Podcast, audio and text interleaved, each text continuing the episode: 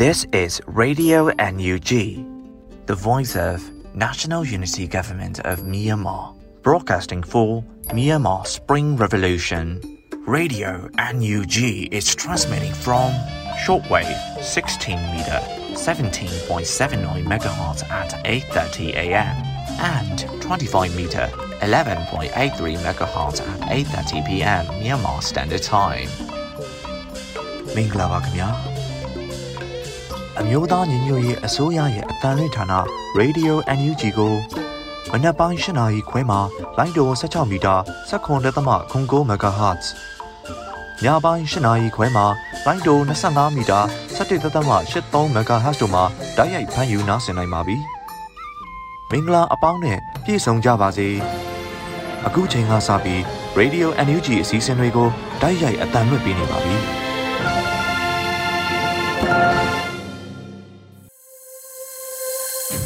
မြန်မာနိုင်ငံသူနိုင်ငံသားအပေါင်းတဘာဝဘေးဆရာနာရှင်ဘေးတို့ကနေကင်းဝေးပြီးကိုစိတ်နှပါဘေးကင်းလုံခြုံရတဲ့မင်္ဂလာနှစ်သစ်ဖြစ်ပါစေလို့ရေဒီယို NUG ဖွယ်သားများကဆုတောင်းမြတ်တာပို့သလာရပါတယ်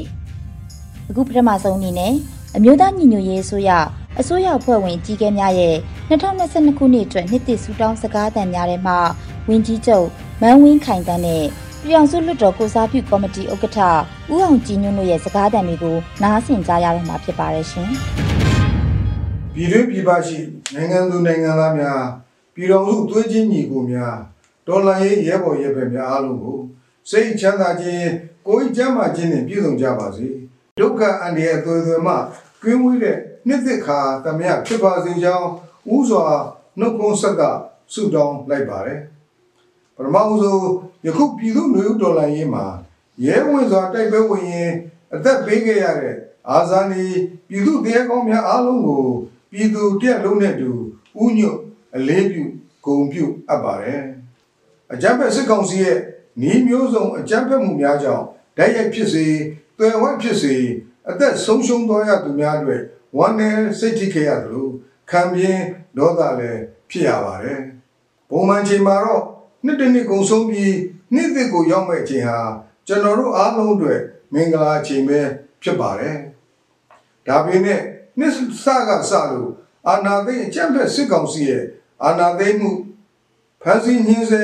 နှိမ့်ဆက်တပ်ဖြတ်မှုတွေကိုရင်စည်းခါးစည်းခံစားနေကြရတဲ့ကျွန်တော်တို့ရဲ့ပြည်သူတရက်လုံးအတွက်တော့မင်္ဂလာချိန်ကကောင်းဖြစ်မနေသေးတာကိုအလွန်ဝမ်းနည်းမိပါတယ်ခုဆိုရင်အားလုံးသိရှိပြီးဖြစ်တဲ့အတိုင်းဒီနှစ်ຫນွေဥကစလိုက်တဲ့အာနာသိအကြံဖက်မှုဟာ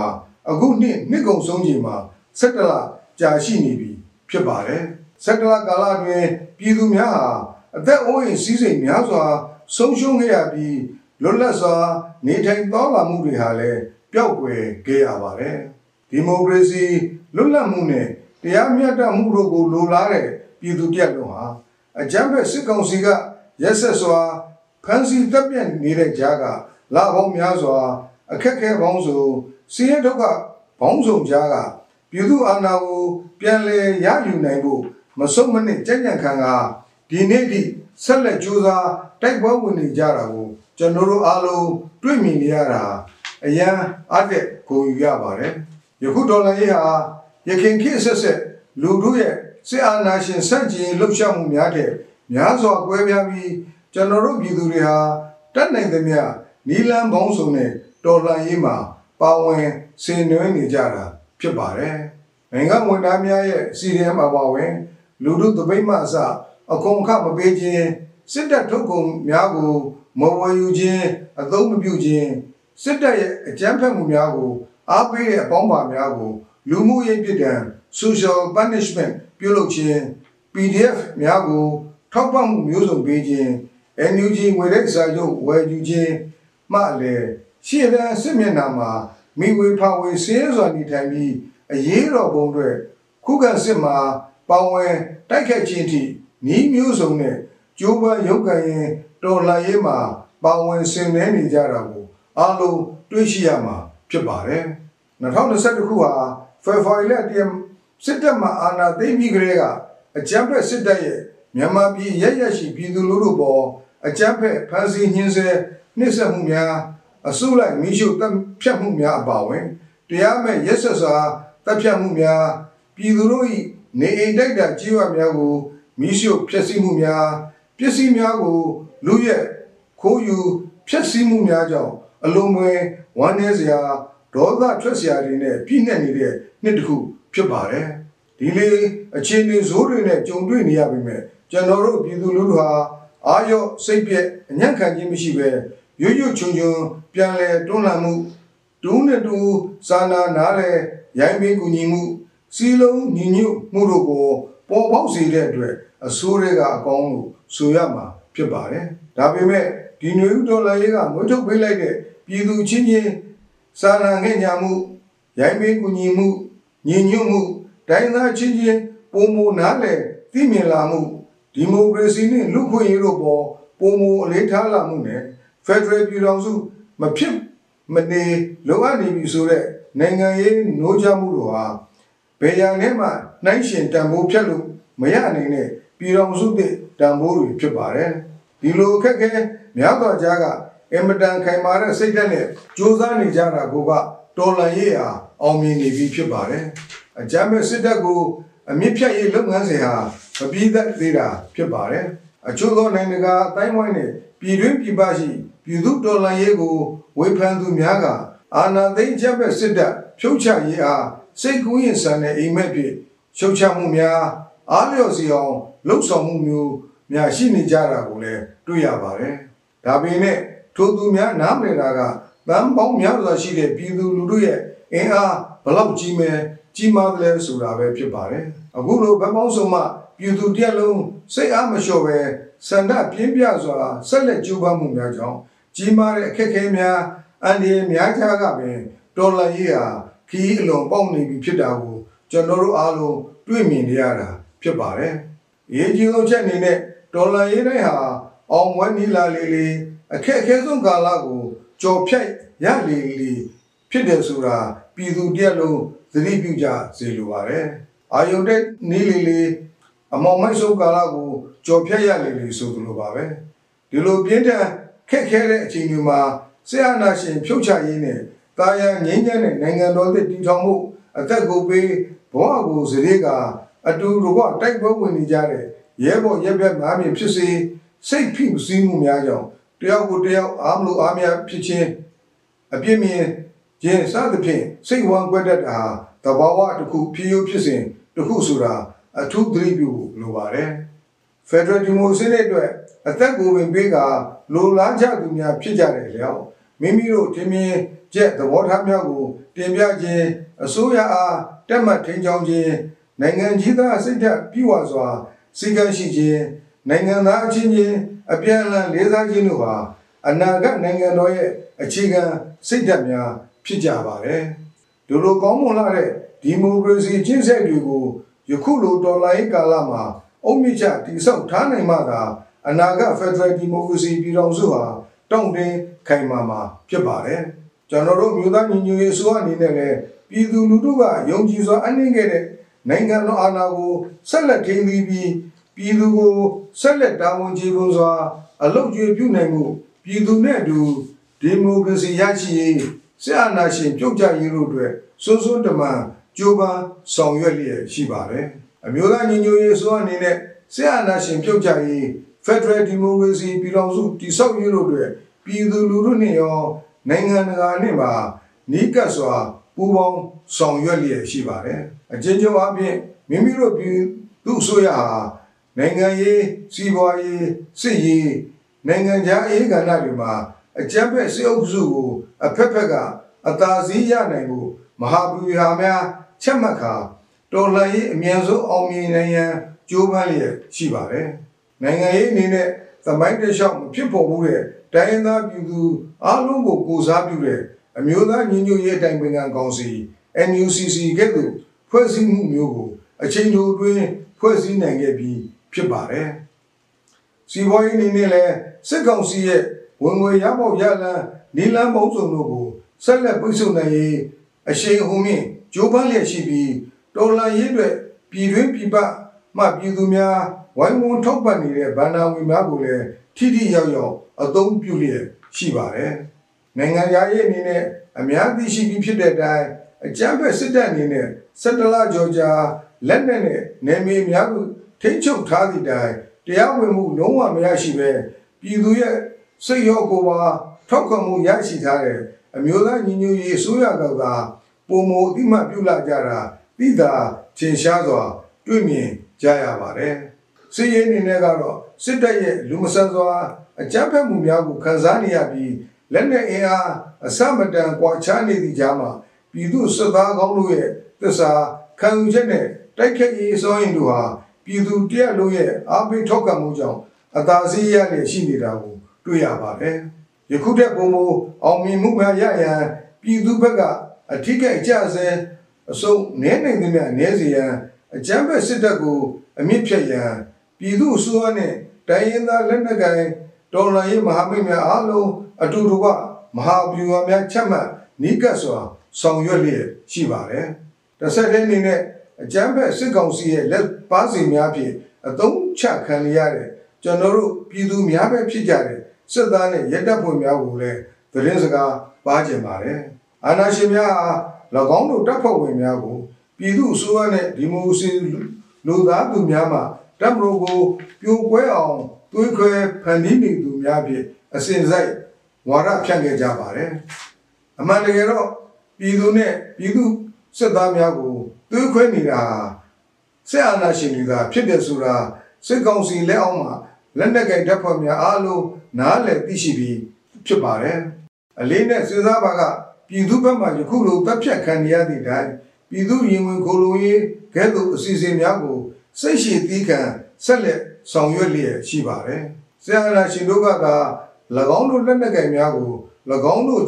ကျိုးစီးပွားအတွက်ကာကွယ်ပေးဖို့မိမိတို့ရဲ့ကျုံလိုသဘောထားကအသုံးချနေတာဖြစ်ပါတယ်။မြန်မာပြည်သူများတိုင်းသားညီကိုမောင်နှမများအားလုံးအချမ်းဖက်စစ်တပ်ရဲ့အန္တရာယ်တွေသောမှ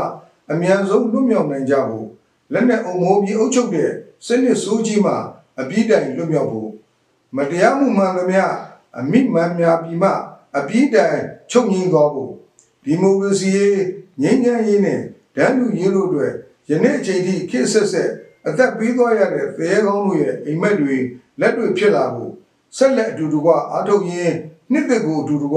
ကြိုးစိုးလိုက်ကြပါစို့ဒေါ်လာရေးပြီးမြောက်အောင်မြင်ပြီး Federal Democracy နိုင်ငံတော်ကြီးတည်ဆောက်ပြီးသည့်အထိအတူတူကနီလန်မျိုးစုံနဲ့ ဗတ်ပေါင်းစုံမှပြည်သူများအလုံးပါဝင်ပြီးဆက်လက်တိုက်ပွဲဝင်ကြဖို့လဲတိုက်တွန်းအားပေးကြပါတယ်အားလုံးပြန်တူတွန်းကြမယ်ဆိုရင်ပြည်သူတွေအထိခိုက်နစ်နာမှုအ ਨੇ ဆုံးနဲ့ပြည်သူအောင်ပွဲအမြန်ဆုံးရမှာဖြစ်ပါတယ်ပြည်တွင်းပြည်ပရှိပြည်သူအားလုံးရဲ့အင်အားနဲ့သာကျွန်တော်တို့ရဲ့အရေးတော်ပုံအမြန်ဆုံးအောင်မြင်အောင်ဆောင်ရွက်ရမှာဖြစ်ပါတယ်လာမယ့်နှစ်သစ်မှာတော်လှန်ရေးအမြန်ဆုံးအောင်ပွဲခံနိုင်ပြီးစိတ်သစ်လူသစ်ခွန်အားသစ်တွေနဲ့ ဖက်ဒရယ်ပြည်တော်စုမြန်မာနိုင်ငံတော်တစ်ကိုအတူတူကအုပ်ပြစ်ချနိုင်တည်ဆောက်နိုင်မှုတွေတန်ဋိဌာန်ပြုကြပါစို့လို့တိုက်တွန်းပြောကြားရင်နှိကုံချုပ်အပ်ပါတယ်အရေးတော်ကိုအောင်နေပြီ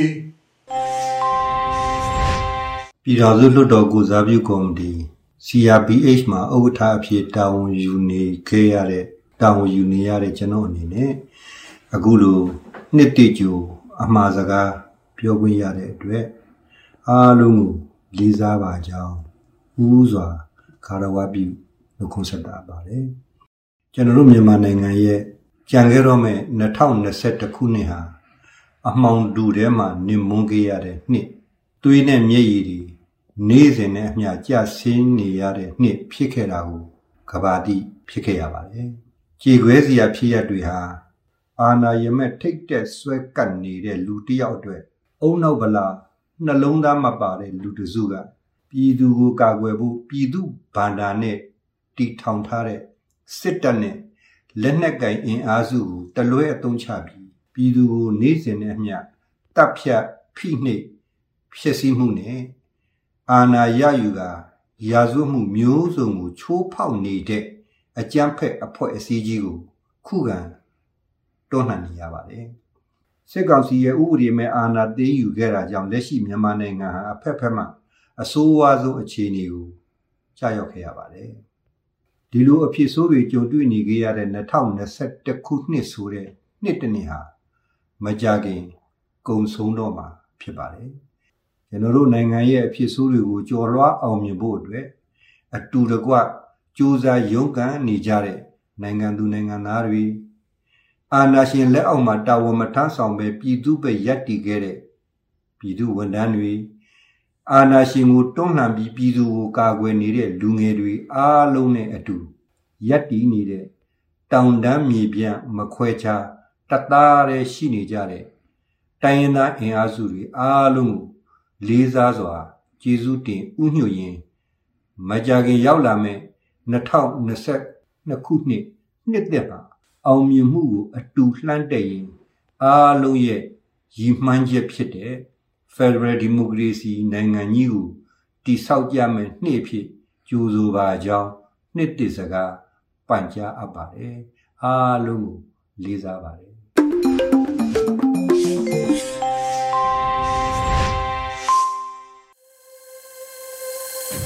ရေဒီယိုအန်ယူဂျီမှာဆက်လက်တင်ပြနေပါတယ်။အခုတစ်ခါမှာတော့ နောက်ဆုံးရပြည်တွင်းသတင်းများကိုအေရီကဖတ်ကြားတင်ပြပေးမှာဖြစ်ပါတယ်ရှင်။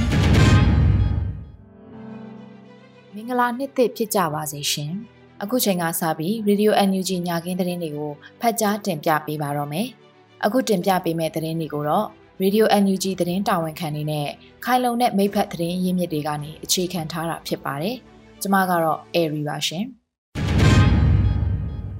ပထမဆုံးအနေနဲ့ ဒီမော့ဆိုမြို့နယ်အတွင်းလေကြောင်းတိုက်ခိုက်မှုမှာပြည်သူ့ကာကွယ်ရေးတပ်ဖွဲ့တွေဘက်ကထိခိုက်ဒဏ်ရာရရှိမှုရှိခဲ့တဲ့ဆိုတဲ့သတင်းကိုတင်ပြပေးမှာဖြစ်ပါတယ်။ဒီဇင်ဘာလ31ရက်နေ့မှာဖြစ်ပွားခဲ့တဲ့ကယားကရင်ပြည်နယ်ဒီမော့ဆိုမြို့နယ်အတွင်းတိုက်ပွဲမှာစစ်ကောင်စီကလေကြောင်းအုံပြုတိုက်ခိုက်ခဲ့ပြီးပြည်သူ့ကာကွယ်ရေးပူးပေါင်းတပ်ဖွဲ့ဘက်မှထိခိုက်ဒဏ်ရာရရှိမှုရှိခဲ့တယ်လို့သိရပါတယ်။ဒီမော့ဆိုမြို့နယ်ငွေတောင်ဆဲအနီးကိုအင်အားအလုံးရင်းနဲ့ထိုးစစ်ဆင်လာတဲ့စစ်ကောင်စီတပ်ဖွဲ့တွေနဲ့ပြည်သူ့ကာကွယ်ရေးတပ် ဒီမော့ဆို DMO PDF အလဲပိုင်းတိုင်းအထူးစစ်စင်ရေးတပ်ဖွဲ့ Ryco PDF KGZ KNDF တို့အပြင်တခြားမဟာမိတ်ပူးပေါင်းတပ်ဖွဲ့ဝင်တွေဟာမနက်9:00နာရီအချိန်ကစပြီးရင်ဆိုင်တိုက်ပွဲဖြစ်ပွားခဲ့တယ်လို့ DMO PDF ကသတင်းထုတ်ပြန်ထားပါတယ်။တိုက်ပွဲမှာစစ်ကောင်စီဘက်ကအဓိကလက်နက်ကြီး 60mm 120mm တို့နဲ့ပစ်ကူတိုက်ခိုက်ခဲ့တဲ့အပြင် Jet Fighter တိုက်လေယာဉ်2စီးနဲ့ညနေ3:40လောက်ကစပြီးမိနစ်20ကြာအောင်ပစ်ခတ်တိုက်ခိုက်ခဲ့တယ်လို့သိရပါတယ်။တိုက်ပွဲအတွင်းမှာစစ်ကောင်စီဘက်ကအကြအဆုံးများနိုင်ကြောင်းမြေပြင်သတင်းအရသိရှိရပြီးမဟာမိတ်တပ်ဖွဲ့ဝင်တွေဘက်ကလည်းထိခိုက်ဒဏ်ရာရရှိမှုတွေရှိခဲ့တယ်လို့အသေးစိတ်ကိုအတိအပြုပြောကြားနိုင်ခြင်းမရှိသေးဘူးလို့ DMO PDF ကပြောကြားခဲ့ပါတယ်။စစ်ကောင်စီဘက်ကပြစ်ခတ်ခဲ့တဲ့လက်နက်ကြီး Jet Fighter လေယာဉ်တို့ကြောင့် ထိခိုက်ပျက်စီးမှုအသေးစိတ်ကိုတော့စုံစမ်းနေဆဲဖြစ်တယ်လို့ DMO PDF ရဲ့ထုတ်ပြန်ချက်မှာဖော်ပြထားပါတယ်ရှင်။ဆက်လက်ပြီးညောင်ရွှေထောင်မှာဖမ်းဆီးခံထားရတဲ့လူ30ကျော်ကိုထောင်တွင်းတရားရုံးကထောင်ဒဏ်တွေချမှတ်လိုက်တယ်ဆိုတဲ့သတင်းကိုတင်ပြပေးချင်ပါတယ်။ညောင်ရွှေအကျဉ်းထောင်တောင်လေးလုံးထောင်မှာဖမ်းဆီးခံထားရသူ30ကျော်ကိုဒီဇင်ဘာလ30ရက်နေ့မှာထောင်တွင်းတရားရုံးအသီးသီးကထောင်ဒဏ်တွေချမှတ်ခဲ့တယ်လို့သိရပါတယ်။ စစ်အာဏာရှင်ကိုစန့်ကျင်တယ်လို့ဆွဆွဲဖမ်းဆီးခံရပြီးတဲ့နောက်ရာဇသက်ကြီးပုံမှ905ကကြီး905က905ခနိုင်ငံတော်ပုံကံမှုပုံမှ121 122 123 124တို့နဲ့တရားစွဲဆိုခံထားရတဲ့အမှုရဲ20ကျော်ကနေလူ30ကျော်ကိုအပိသက်အမိန့်တွေချမှတ်လိုက်တာဖြစ်တယ်လို့သိရပါဗျ။ထောင်ထဲမှာမြို့နယ်လိုက်တရားခွင်တွေရှိတယ်။သူ့တရားခွင်လိုက်အမိန့်ချကြတာတရားသူကြီးပုံမူတည်ပြီးတော့ထောင်နှံကကွာကြတယ်။အများစုကတော့နှစ်နှစ်ကြာကြတယ်။ ဝင်ကြီးဦးစိုးညွန့်တွင်ကအများဆုံးပဲအမှု9ခုအတွက်38နဲ့အဂတိအမှုတွေလည်းကြံသေးတယ်လို့တရားရုံးနဲ့နှီးဆက်သူတအုပ်ကပြောပါတယ်။ညောင်ရွှေအကျဉ်းထောင်တောင်လေးလုံးထောင်မှာရှမ်းပြည်နယ်ဝန်ကြီးချုပ်ဒေါက်တာလင်းထွတ်အပါအဝင်နိုင်ငံရေးနဲ့သက်ဆိုင်တဲ့ပုံမှန်တွေနဲ့ဖမ်းဆီးချုပ်နှောင်ခံထားရသူတချို့ဟာလက်ရှိမှာအမှုရင်ဆိုင်နေရဆဲဖြစ်ပြီး၎င်းတို့ကိုလည်း2022ခုနှစ်နှစ်ဆန်းပိုင်းမှာအမိန့်ချမှတ်ဖွယ်ရှိနေတယ်လို့သိရပါဗျ။ ဆက်လက်ပြီးဖဲခုံမှာအမျိုးသမီးငယ်တအူမိုင်းနှင်းမိပြီးဒဏ်ရာပြင်းထန်စွာရရှိခဲ့တဲ့ဆိုတဲ့သတင်းကိုတင်ပြပေးပါမယ်။ဖဲခုံမြို့ခမရ336တက်အနီးမှာတောင်ရအတွင်းမှာဒီဇင်ဘာလ29ရက်နေ့ကတိုးချက်ရက်ကွက်မှာနေထိုင်သူသားမိနှစ်ဦးပြောင်းမှုချိုးနေစဉ်အသမီးဖြစ်သူအမျိုးသမီးငယ်ဟာမိုင်းနှိမ့်မိပြီးဒဏ်ရာပြင်းထန်စွာရရှိခဲ့တယ်လို့သိရပါဗျ။ မိုင်းနှိမ့်မိတာကြောင့်အမျိုးသမီးငယ်ရဲ့ခြေထောက်အသားအစာတွေမရှိတော့ဘဲလက်ရှိမှာလွိုက်ကော်ဆေးရုံမှာဆေးကုသမှုခံယူနေရပြီးအရေးပေါ်အကူအညီတွေလည်းလိုအပ်နေတယ်လို့ဖဲခုံ PDF ကဒီဇင်ဘာလ30ရက်နေ့ကထုတ်ပြန်ထားပါတယ်။အဆိုပါခမရ336အနီးမှာပဲပြီးခဲ့တဲ့ဒီဇင်ဘာလ2ရက်ကလည်းစစ်တပ်ကထောင်ထားတဲ့မိုင်းနှင်းပြီးတဲ့အတွက်နန်းဟုရက်ကွက်မှာနေထိုင်တဲ့အမျိုးသမီးတဦးဟာလည်းခြေထောက်တစ်ဖက်ဖျက်ရသည့်အထိဒဏ်ရာပြင်းထန်စွာရရှိခဲ့ကြောင်းထုတ်ပြန်ချက်မှာဖော်ပြထားပါတယ်။ ဖဲခုံမြို့နယ်မှာနိုဝင်ဘာလနဲ့ဒီဇင်ဘာလ2လအတွင်းစစ်ကောင်စီတပ်ကထောင်ထားတဲ့မိုင်းနှင်းမိပြီးပြည်သူ၈ဦးထပ်မံဒဏ်ရာပြင်းထန်စွာရရှိခဲ့တယ်လို့စစ်ကောင်စီတပ်ထံဖမ်းဆီးခံရစဉ်မှာတေဆုံးသူတွေလည်းအနည်းဆုံး6ဦးထိရှိခဲ့တယ်လို့ဖဲခုံ PDF ရဲ့ထုတ်ပြန်ချက်အရသိရပါတယ်ရှင်။ဆက်လက်ပြီးကရင်ပြည်စစ်ဆောင်တသိန်းကျော်အတွက်အစားအသောက်နဲ့ဆေးဝါးအကူအညီတွေလိုအပ်နေတဲ့တဲ့တင်ကိုတင်ပြပေးခြင်းပါတယ်။ အကြမ်းဖက်စစ်တပ်ရဲ့မတရားအာဏာသိမ်းမှုကိုအစောဆုံးလက်နက်ကင်တော်လှန်ခဲ့တဲ့ကရားပြည်နယ်မှာမေလာကစပြီးလက်ရှိအချိန်အထိရှစ်လနီးပါးကာလအတွင်းမှာနေရက်ဆွန့်ခွာပြီးစစ်ဆောင်ရသူတသိန်းကျော်ရှိနေပြီဖြစ်တယ်လို့သိရပါဗျ။နေရက်ဆွန့်ခွာသူတွေဟာလက်ရှိအချိန်ထိအိမ်ပြန်သူတွေရှိတယ်လို့စစ်ကောင်စီတပ်ရဲ့မြေမြုပ်မိုင်းနေနဲ့စစ်ကြောင်းရံတွေကိုကြောက်ပြီးနေရက်မပြန်ရသေးသူတွေလည်းရှိနေပါတယ်။တသိန်းကျော်ဝန်းကျင်တော့စုစုပေါင်းရှိတယ် တချို့ကလည်းအိမ်တွေကိုခဏပြန်ကြတယ်လေတချို့ကြတော့လည်းမပြန်ရဲကြဘူးစစ်ဖြစ်ရင်တော့ပြန်ပြေးလာကြရတယ်လို့စစ်ရှောင်းတွေကိုကူညီပေးနေသူတအုပ်ကပြောပြပါဗျစစ်ကောင်စီဟာကင်းဒီပြည်နယ်အတွင်းတိုက်ပွဲတွေမှာလူနေရက်ွက်တွေကိုပါလက်နက်ကြီးနဲ့ပစ်ခတ်တာစစ်အင်အားအလွန်ကျွံအုံပြူတာအပြင်လေကြောင်းတိုက်ခိုက်မှုတွေကိုပါအုံပြုလှုပ်ဆောင်နေပါတယ်ကျေးရွာတွေအတွင်းမှာဖြစ်ပွားတဲ့တိုက်ပွဲတွေအပြီးမှာစစ်ကောင်စီတပ်ဖွဲ့တွေဟာ ဒေသခံတွေရဲ့နေအိမ်တွေကိုပါမိရှို့ဖျက်ဆီးတာကျေးရွာတွေအတွင်းလူနေအိမ်တွေအနီးမှာမြေမြုံမိုင်းထောင်တာတွေကိုပါပြုလုပ်နေကြပါတယ်။ဒါကြောင့်ဒေသခံတွေအနေနဲ့တိုက်ပွဲတွေငြိမ်သွားခဲ့ပေမဲ့လည်းနေရက်ပြန်ဖို့အခက်အခဲနဲ့စိန်ခေါ်မှုတွေကတော့ရှိနေသေးဖြစ်ပါတယ်။စစ်ဆောင်တသိန်းနီးပါးရှိလာတဲ့ကရင်ပြည်နယ်မှာစစ်ဆောင်တွေအတွက်စားနပ်ရိက္ခာနဲ့ဆေးဝါးတွေလိုအပ်လျက်ရှိနေပါတယ်။ စစ်ဆောင်တွေအတွက်ကစံစီစာအခြေခံစားတောက်ကုန်တွေနဲ့ဆေးဝါးတွေအဓိကလိုတယ်လို့စစ်ဆောင်စခန်းကဆီယာမတအုပ်ကပြောပါတယ်။လက်ရှိအချိန်မှာကင်းနီပြည်နယ်မှာဒီမော့ဆိုလွိုက်ကော်နဲ့မိုးပြဲတို့မှာတစ်ဖက်နဲ့တစ်ဖက်စစ်ရေးအခြေအနေတွေတင်းမာလျက်ရှိနေပါတယ်။ကုလသမဂ္ဂလူသားချင်းစာနာမှုဆိုင်ရာပေါင်းဆက်ညီနိုင်ရေးယုံအိုချာရဲ့ထုတ်ပြန်ချက်အရ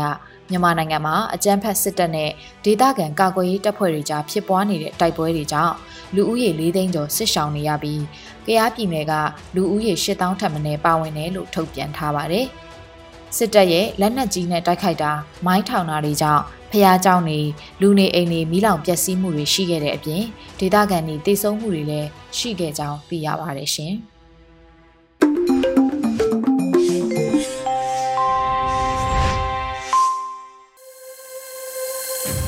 အခုဆက်လက်ပြီးနားဆင်ကြရမှာကတော့နိုင်ငံရေးဆောင်ပါအစီအစဉ်ဖြစ်ပါတယ်။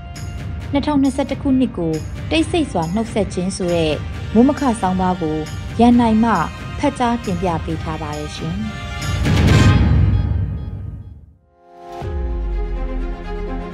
2021ကိုတိတ်ဆိတ်စွာနှုတ်ဆက်ခြင်း2021ခုနှစ်ကကုံဆုံးသွားခဲ့ပြီဖြစ်ပါတယ်။ရန်ကုန်မြို့မှာတော့ည7:00နာရီထိုးကန်ဒီအထိခါရိုင်းနှစ်တွေလိုမီးရှူမီးပန်းဖောက်တဲ့တန်တွေ ဘာသာမှမကြပဲတိတ်ဆိတ်နေခဲ့ပါတယ်။7:00နာရီထိုးချိန်မှာတော့ Happy New Year ဆိုတဲ့အော်သံတချို့ကြားလိုက်ရပြီးတဲ့နောက်အရေးတော်ကိုအောင်ရမည်ဆိုတဲ့ကြွေးကြော်သံလည်းထွက်ပေါ်လာပါတယ်။အဲဒီနောက်လမ်းမကြီးဘက်ကစစ်အာဏာသိမ်းဆန့်ကျင်ရေးကြွေးကြော်သံတချို့တိုင်ပေးသံနဲ့အော်သံတွေ10မိနစ်လောက်ထွက်ပေါ်လာပြီးတဲ့နောက်မှာတော့တိတ်ဆိတ်သွားခဲ့ပါတယ်ညမထွက်ရအမိန့်ကထုတ်ထားဆဲဖြစ်တာမို့လမ်းတွေပေါ် လူတွေကားတွေဘယ်သူမှမရှိကြပါဘူး2021လို့ခေါ်ဆိုအမှတ်တညာပြုတဲ့အနောက်တိုင်းပြက်ကလေးနှစ်12လတာကာလမှာမြန်မာနိုင်ငံအဖို့ဒဏ်ရာတန်ချက်ပေါင်းမရေမတွက်နိုင်လောက်အောင်များပြားခဲ့တယ်လို့မျက်ရည်တွေခန်းချောက်ကုံလောက်အောင်ကြားခဲ့ကြရတာလည်းဖြစ်ပါတယ်မိမိရဲ့အဖြစ်အတွက်ဝမ်းနည်းဖို့အစားကိုယ့်ထက်ပိုဆိုးတဲ့ဘဝတွေအတွက်ဝမ်းနဲ့ကြေကွဲနေရတဲ့ကာလတွေလည်းဖြစ်ပါတယ် 950ဇန်နီပတ်တဲကကံအဆိုးဆုံးမေပရာထက်ကံဆိုးတဲ့ဘဝတွေအများကြီးပြီးခဲ့တဲ့နှစ်မှာတွေ့ကြုံခဲ့ရပါပြီမိသားစုလိုက်တပ်ဖြတ်ခံရတာကအစမိသားစုလိုက်ဖမ်းဆီးခံရမိသားစုဝင်တယောက်အသက်ဆုံးရှုံးသွားတဲ့တိုင်အလောင်းမမြင်လိုက်ရတဲ့အဖြစ်ငိုကြွေးခွင့်မရလိုက်ရတဲ့ဘဝတွေအများအပြားပြီးခဲ့တဲ့တစ်နှစ်တာအတွင်းကြုံခဲ့ကြရလို့မေပထာရဲ့ဘဝနဲ့နှိုင်းယှဉ်ရင်သူမသားကိုမသားအခြေအနေတွေ အများကြီးကြုံခဲ့ကြရတဲ့ကာလတွေဖြစ်ပါတယ်။ယခင်နှစ်2020ကုန်ဆုံးစဉ်ကလည်းကိုဗစ်ကန့်သတ်မှုတွေညမထွက်ရအမိတ်လူမစုဝေးရအမိတ်နေနဲ့တိတ်ဆိတ်စွာနှုတ်ဆက်ခဲ့ရဘူးပါတယ်။အဲ့ဒီတုန်းက2020ကုန်ဆုံးသွားတဲ့နှစ်ကိုတိတ်ဆိတ်စွာနှုတ်ဆက်ပေမဲ့ကြေကွဲမှုတွေနာကျင်မှုတွေနာကြီးမှုတွေနဲ့မဟုတ်သလိုတိုက်ပွဲတွေကြောင့်စစ်တပ်တွေရဲ့ရန်ကြောင့် တောထဲတောင်ထဲတင်းရှောင်နေရင်ဖျက်ဆီးရတာလည်းမဟုတ်ပါဘူး2021ခုနှစ်ကုန်ဆုံးတဲ့နောက်ဆုံးနေ့ရက်ကိုဒုက္ခသည်စခန်းမှာတောတောင်ထဲမှာဖျက်ဆီးရလိမ့်မယ်လို့ဘယ်သူမှထင်မှတ်ထားကြမှာမဟုတ်ပေမဲ့လူသိန်းနဲ့ချီပြီးဒုက္ခသည်စခန်းမှာစစ်ဘေးကြောင့်ယာယီတဲတွေမှာနေရင်နေနေညညအသက်အန္တရာယ်ကြောက်ရွံ့မှာကိုစိုးရင်စွာနဲ့ဖျက်ဆီးကြရသူသိန်းနဲ့ချီရှိနေတာဖြစ်ပါတယ်ခရစ်ယာန်ဘာသာဝင်တွေဖို့ ခရစ်စမတ်ကိုဒုက္ခသည်စခန်းမှာစေဘေးတိန်ရှောင်ရေးဖျက်ဆီးကြရတယ်လို့ဗုဒ္ဓဘာသာဝင်ဖို့လဲအခါကြီးရက်ကြီးတွေမှာဘာသာရေးကုသိုလ်ပြုမှုတွေလုပ်ဖို့အခွင့်မတာခဲ့ကြတဲ့ဘဝတွေအများပြားရှိခဲ့တဲ့နှစ်တစ်နှစ်ဖြစ်ပါတယ်2021ခုနှစ်မှာစစ်ပွဲတွေတပ်ဖြတ်မှုတွေအငတ်ဘေးတွေအပြင်ယောဂန်ရာဂတ်ဘေးလဲကြုံခဲ့ကြရပါသေးတယ်2020အစပိုင်းကလေးကဝင်ရောက်လာခဲ့တဲ့ ကိုဗစ်ကူးစက်မှုရဲ့အဆိုးဝါးဆုံးကာလဟာ2021ခုနှစ်ဇွန်လကနေစက်တင်ဘာလတွင်ဖြစ်ခဲ့ပါတယ်။ဇူလိုင်နဲ့ဩဂုတ်လနှစ်လတည်းအဖို့တော်မှာရန်ကုန်မြို့မှာလူ2000နဲ့3000ကြားသေဆုံးခဲ့ရပါတယ်။ဒယ်တာမျိုးခွဲရဲ့ပြင်းထန်တဲ့ယောဂလက္ခဏာကျန်းမာရေးဆောင်ရှောက်မှုတွေပျက်စီးနေခြင်းစီမံခန့်ခွဲမှုတွေလွဲမှားစွာဆောင်ရွက်ချိန်တို့ပေါင်းဆက်လိုက်တဲ့အခါမှာတော့ရန်ကုန်မြို့မန္တလေးမြို့မော်လမြိုင်ပသိမ်တောင်ကြီးမုံရွာစတဲ့ လူဦးရေများတဲ့မြို့တွေမှာအဲ့ဒီလေးလလောက်ကာလအတွင်းကိုဗစ်ကူးစက်မှုနဲ့အသက်ဆုံးရှုံးသူပေါင်းတောင်းနဲ့ချီရှိခဲ့ပါတယ်။ကိုဗစ်ကြောင့်အသက်ဆုံးရှုံးရတယ်ဆိုတာဆေးမစစ်မှတ်တမ်းမတင်နိုင်သူပေါင်းတောင်းနဲ့ချီရှိခဲ့တာလည်းဖြစ်ပါတယ်။အသက်ရွယ်ကြီးရင်သူမိသားစုတစုတည်းတယောက်ထက်မကအသက်ဆုံးရှုံးကြရတဲ့အဖြစ်ပြက်များစွာဖြစ်ပျက်ခဲ့ပါတယ်။တားဖာနှိုးစလုံးတိန်နဲ့ကိုဗစ်နဲ့သေဆုံးနေကြတာနောက်မှသိကြရလို့ အလောင်းပဲတည်ထုတ်ကြရတဲ့ဖြစ်တွေအဲ့ဒီကာလတွေမှာဖြစ်ပျက်ခဲ့ရတာပါအဲ့ဒီကယောဂာနဲ့စာပေပညာရှင်တွေအမှုပညာရှင်တွေနိုင်ငံရေးသမားတွေဆေးပညာရှင်တွေလက်မှုပညာရှင်စသဖြင့်လူမှုအတိုင်းဝန်းအတွက်တန်ဖိုးရှိတဲ့တက်ရှိသမိုင်းလိုပုံကိုယ်တွေယာနဲ့ချီပြီးကွယ်လွန်အသက်ဆုံးရှုံးခဲ့ကြရပါတယ်စစ်အာဏာသိမ်းမှုက2021ခုနှစ်ကိုဒုက္ခနဲ့ လူလုတ်ကပ်ဘေးကြီးတည်ဆောင်လာတဲ့သပွဲဖြစ်ခဲ့တဲ့သဘောလည်းဖြစ်ပါတယ်။ဟန်စီသွားပြီးတဲ့နောက်တရက်မှာအလောင်းလာထုတ်ဖို့အကြောင်းကြားခံရသူတွေအလောင်းလာထုတ်เสียမလို့ပဲတကြိုးတော်ကိုမိသားစုတွေကလူအကန့်အသတ်နဲ့သာသွားခွင့်ရှိခဲ့တဲ့နောက်ဆုံးခရီးတွေဘယ်မှာအသက်ဆုံးရှုံးဘယ်လိုဆုံးရှုံးမှမသိလိုက်ဖ ೇನೆ တကြိုခွင့်မရလိုက်တဲ့သူတွေအများအပြားနဲ့နှစ်တနေ့လို့ဆိုရမှာပဲဖြစ်ပါတယ်။အလားတူပဲနိုင်ငံရေးအယူဆကွဲလွဲခြင်းနဲ့ စစ်အာဏာရှင်ဆန့်ကျင်ရေးလှုပ်ရှားမှုကိုသတင်းပေးတယ်လို့ယူဆခံရသူတန်တရားရှိခံရသူဒလန်းလို့အများခေါ်ဆိုသူတွေလည်းယာနဲ့ဒါမှမဟုတ်ထောင်ကနန်းနဲ့လောက်ကျန်တက်ဖြတ်ခံကြရတဲ့ဖြစ်တွေက2021ခုနှစ်ထဲမှာပဲလို့ဆိုရမှာပါမြန်မာနိုင်ငံအဖို့2021အကုန်2022အခုနှစ်သက်မှာပျော်ရွှင်ပါစေလို့ဆုတောင်းပြီးနှစ်သက်ကိုကြိုးမဲ့အစား2021ခုနှစ်က လူလုတ်ကပ်ဘေးရဲ့အကျိုးဆက်တွေကိုအပြေရှာနိုင်ပါစေ။သိန်းနဲ့ကြီးရှိတဲ့စစ်ဘေးတင်းရှောင်နေရသူတွေသူတို့ရဲ့နေအိမ်မှာအသက်အန္တရာယ်ကိုမစိုးရင်ရပဲအေးချမ်းစွာနေနိုင်တဲ့အခြေအနေအမြန်ဆုံးပြန်ရောက်ပါစေလို့သာဆုတောင်းတဲ့တယ်လို့ထင်မြင်မိပါတော့တယ်။